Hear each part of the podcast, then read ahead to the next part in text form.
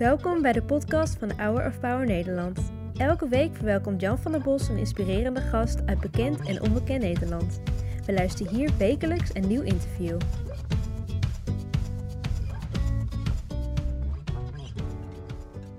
Mijn gast is Thomas Kwartier. Hij uh, is hoogleraar aan Leuven in Nijmegen. Je bent een zingende monnik. Je bent een erudite spreker. Je bent schrijver van boeken. Uh, en je zegt, mijn levensstijl is 100% twijfel. Nou... Ja, dat heb je ja, gezegd. Ja, ja, ja. Nou, ik begin altijd niet met het woord twijfel, maar met het woord zoeken. Dat vind Ja. ik nog opener dan het woord twijfel. Ja. Maar die twee horen natuurlijk wel voor mij bij Ja. elkaar. Ehm, kijk, wie nergens aan twijfelt, die hoeft ook niks meer te zoeken. Ik ga even naar de woorden van Jezus, die zegt in Matthäus 7, zoekt en gij zult vinden. Ja. Dus je bent nog op zoek. ja, en ik hoop dat ik dat ook mijn leven lang blijf. Ja. Want ehm, Bid en Kijk. u zal gegeven worden. Zeker. En dat gebeurt ook op ieder moment wel, maar nooit zo dat het een sluitend antwoord op al je vragen Ja, is. klopt. Eh, nee, alsjeblieft niet. Eh, laat me nou een vrager blijven, laat me een zoeker blijven. Maar wel, dat is wel heel belangrijk. Inderdaad heb ik dat gezegd. En zo werken media en kranten, die maken daar dan een enorme kop van. Zelfs en bij Hour of Power. zo, dat, dat, dat. maar, nee, maar kijk, en ergens denk ik dat is oké. Maar ja, er is ook nog, gelukkig ook nog een eeuwigheid. Ja. En daar voel ik mij heel erg verwant mee. Waar ben je naar op zoek? ehm, ik ben naar verschillende dingen op zoek. Misschien wel in eerste instantie naar, naar, naar mezelf. Ehm, ik ben ervan overtuigd, dat probeer ik ook uit te leven als monnik, dat er ergens in jezelf een, een soort goddelijke kern is die je kan naderen. Ik merk wel dat ik er ook naar verlang, omdat ik ervan overtuigd ben dat je in je, in je eigen innerlijk wel ook de inspiratie kan vinden Ja. voor dat andere zoeken. En dat is de wereld beter te maken, de Ja. liefde te vinden voor andere mensen, mensen Ja. in mijn omgeving, maar ook voor, voor noodlijdende mensen. Voor... Kijk, Thomas Merton is eh, de grote trappist. Hè? Dat is een van mijn voorbeelden in deze. Die heeft het zo gezegd, die, die dubbele zoektocht. En ja, ja, ja, raad het al, in de spiritualiteit noem ik dat. Het ene is contemplatie, dus het beschouwende. Bij ons als monniken in de stilte, in de koorbanken. En het andere is actie. Dat is Ja. proberen getuigenis te geven en de wereld beter te maken. Ja, maar je bent ongeveer de perfecte combinatie. Je begint morgens om zes uur met gebeden, dan zijn de vespers. Dan, het gaat de hele dag in een klooster door met het zoeken en a- aanbidden van God. Maar hier zit de theoloog des vaderlands, die een zeer actieve eh, monnik is, die een deel van Europa bereist om zijn boodschap uit te dragen. Kom, kom je nog wel toe aan de opgave als monnik om heel veel verstild te leven? Ja, Zeg- weet je, zeg maar gelijk nee. ja, ja, ja, dat is natuurlijk een hele terechte vraag. Ja. Ehm, Ben je ijdel? Ehm, ik denk iedereen die veel in de publiciteit werkt, kan niet anders dan ook een bepaalde vorm van ijdelheid Ja. te hebben. Ehm, en ik word altijd wantrouwig wanneer mensen die, die veel publicitaire dingen doen, dat nou volledig ontkennen. Ja. Dan, dan heeft een oude abt mij wel eens gezegd, een abt nota bene, hoedje voor de nederigen, want dat zijn de ergsten. en daar vind ik, eh, dat Ja. is natuurlijk een beetje een cynische Ja. uitspraak, maar ergens zit daar wat in. Ja. Dus ja, maar natuurlijk is het zo dat ik, eh, dat ik het ook fijn vind om dingen die ik, die ik doe, om getuigenis af te leggen, goed te doen. En, Ja. eh, en natuurlijk kijk ik Ja. daar ook naar een letter op. Maar wel, ho, ho, het is wel om getuigenis af te leggen. En ik zal niet ontkennen dat je soms wel ook in die verleiding bent. Dat is dit jaar als theoloog des vaderlands natuurlijk nog eens in het kwadraat. Ja. Maar ik doe dat ook al 15 jaar dat ik publiciteer, maar, maar toch nog weer veel meer. Dat je het toch wel fantastisch vindt hoeveel aandacht er is. En je denkt, nou goh, ik doe het goed en zo. En, en daar is ook niks mis mee. Ik, Nee. ik vind ook dat je, dat je het, zou, het zou heel verkeerde kleinmakerij zijn als je zou zeggen dat mag ik niet ook fijn vinden en daar mag ik niet ook van genieten. Tegelijk heb ik toen net wel gezegd om getuigenis Ja. af te leggen. Ja, en in dat opzicht ben ik wel degelijk vol van tegenstrijdigheden. Ja. Dat is ook de motor van mijn zoeken. Ja. Weet je, ik krijg die vraag, nou je dit zo zegt. Nou, in die, in die legio-interviews die Ja? ik nu al gedaan heb, heeft dat zo nog niemand direct gevraagd. Maar ik vind het heel leuk. Mensen vragen het vaak wat beleefder en die zeggen, goh, wat doet zo'n type als jij, wat doet die nou in een klooster waar zo'n nadruk op stilte ligt?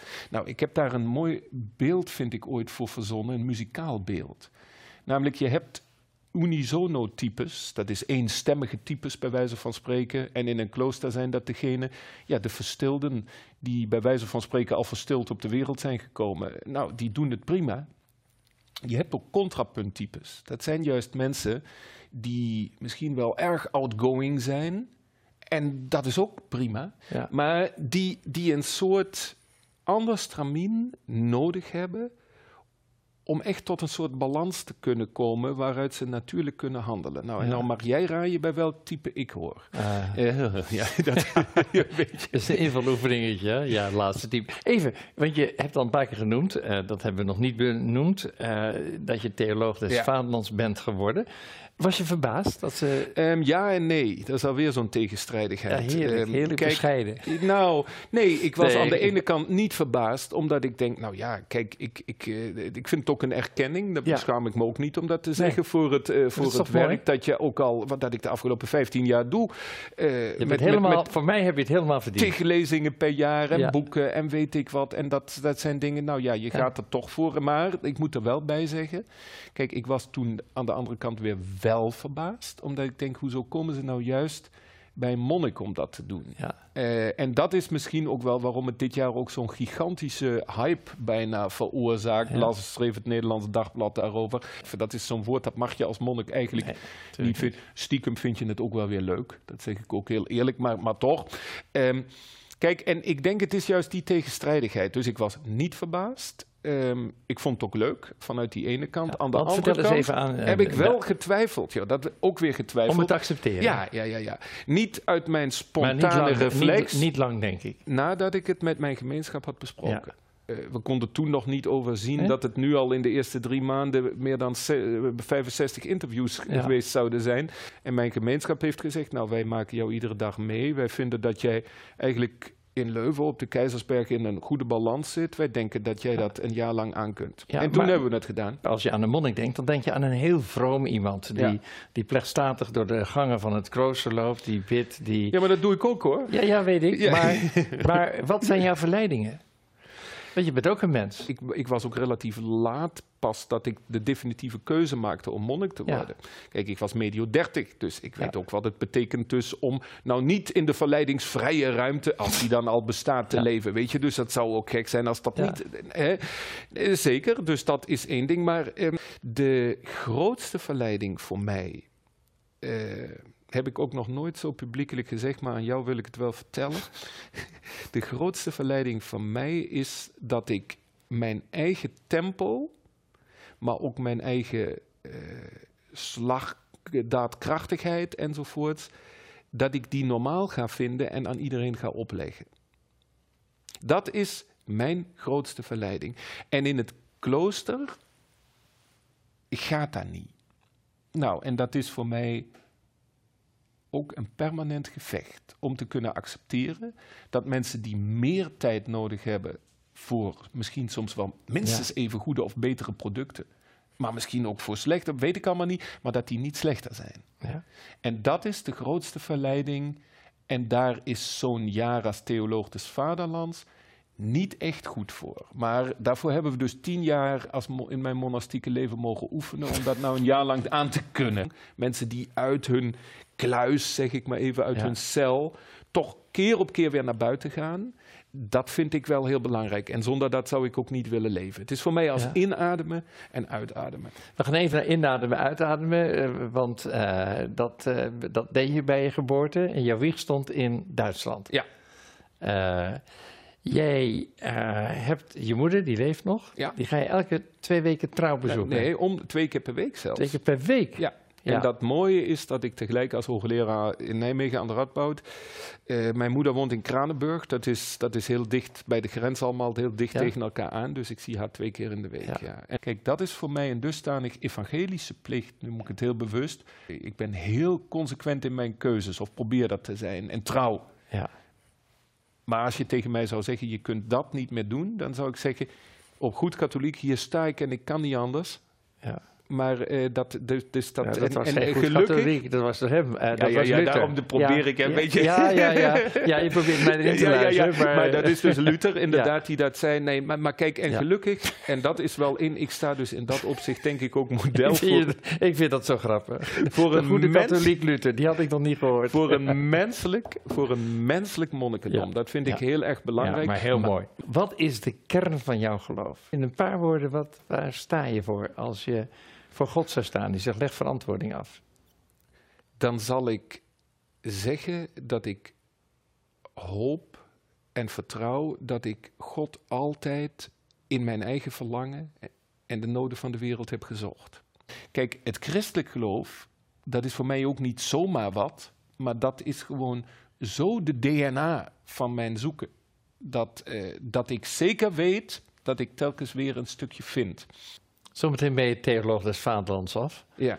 Valt de monnik eh, Thomas dan in een diep gat? Ja, dat weet ik natuurlijk nog niet, hè, want de gave van de profetie die is mij niet geschonken. Eh, ja, Ja, ja, ik kan het je, ik kan het je vertellen.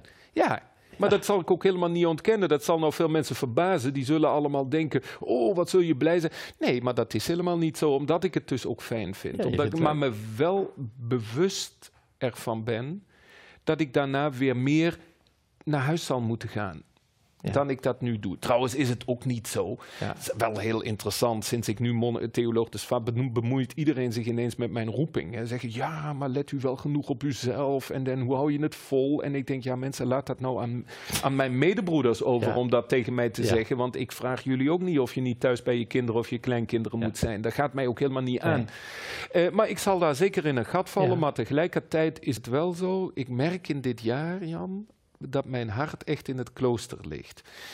Heel concrete dingen zit hem dat in. Hè. Kijk, bijvoorbeeld, ja, je wordt natuurlijk permanent uitgenodigd en iedereen biedt je, sinds ik in België woon, een hotel aan. Nou, als je in Berlijn moet zijn, kan het niet anders. Hè, maar anders zal ik altijd s'nachts terugrijden. En soms heb je dan liever Altijd weer naar de basis. Nou, en om ook die ochtend, dat is voor mij namelijk Ja? een heel belangrijk iets, om die ochtend in het klooster, die ochtend in stilte beginnen. En vanuit die stilte het Heer open mijn lippen, eh, het eerste woord in de mond gelegd te krijgen op die ochtend, dat is voor mij een onmisbaar moment. En dat kan een keer, maar als ik dat te vaak zou moeten missen, zou ik daar heel ongelukkig van worden. Toch was, ik zou uren met jou door kunnen praten. Eh, ik heb nog een favoriete Thomas. Wie denk je? De apostel hoop ik toch. Zeker, de man. Ja, maar de zoeker, de twijfelaar, Zoeker, die misschien ja. wel de meest gelovige man van het hele Nieuwe Testament is. Omdat hij echt bij zijn geloof probeert te komen. En ook door die twijfel heen tot de meest basale en de meest simpele geloofsbeleidenis komt, simpelweg mijn Heer en mijn God. En dat vind ik de, de zin die mij het meeste raakt van alle geloofsuitspraken die er zijn. Juist omdat hij, omdat hij dus zijn verscheurdheid, zijn teleurstelling, zijn tegenstelling niet uit de weg gegaan is. Anders had hij dat nooit kunnen zeggen. Dat denk ik, ja. Dat is een mooi einde van dit gesprek. Mijn Heer en mijn God. Daar ontmoeten we elkaar in. Zeker. Ik denk dat je in je kloostercel zo af en toe ook wel eens een kopje koffie drinkt. Of Zeker. Ja, oké. Nou, ik heb twee bekers voor je. Dat is Oh, het wat Vaderdaggeschenk van Hour of Power. Dus binnenkort is het Vaderdag. Mooi hè? Dit is the day that the Lord has made. Heel Oké. mooi. Goed. Eén voor onderweg Ja, en één voor in het klooster. Alsjeblieft, heel Thomas. fijn. Dankjewel, Oké. Jan. Thomas, dan heb ik eh, wat aan jou gegeven. Nou zou ik ook eh, aan jou willen vragen om ons wat te geven. Want je bent de zingende monnik. Oké.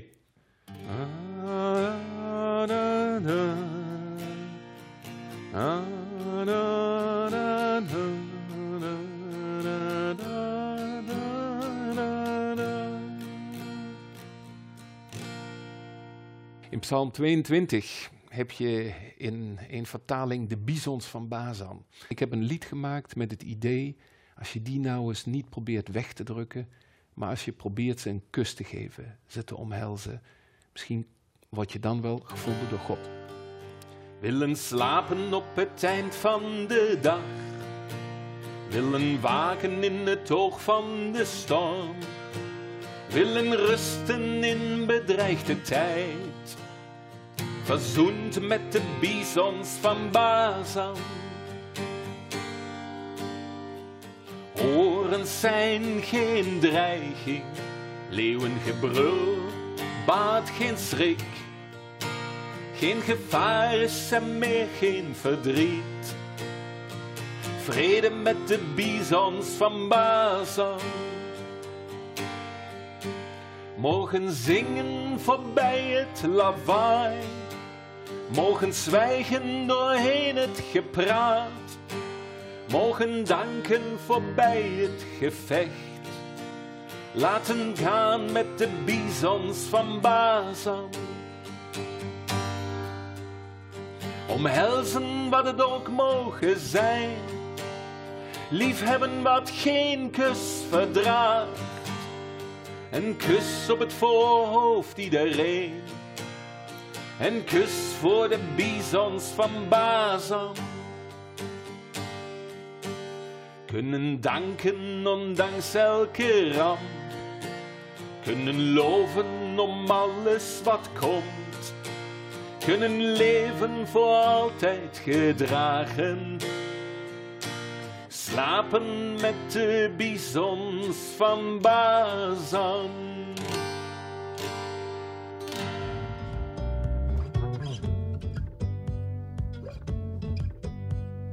Bedankt voor het luisteren naar het interview van deze week. We hopen dat dit verhaal jou heeft bemoedigd.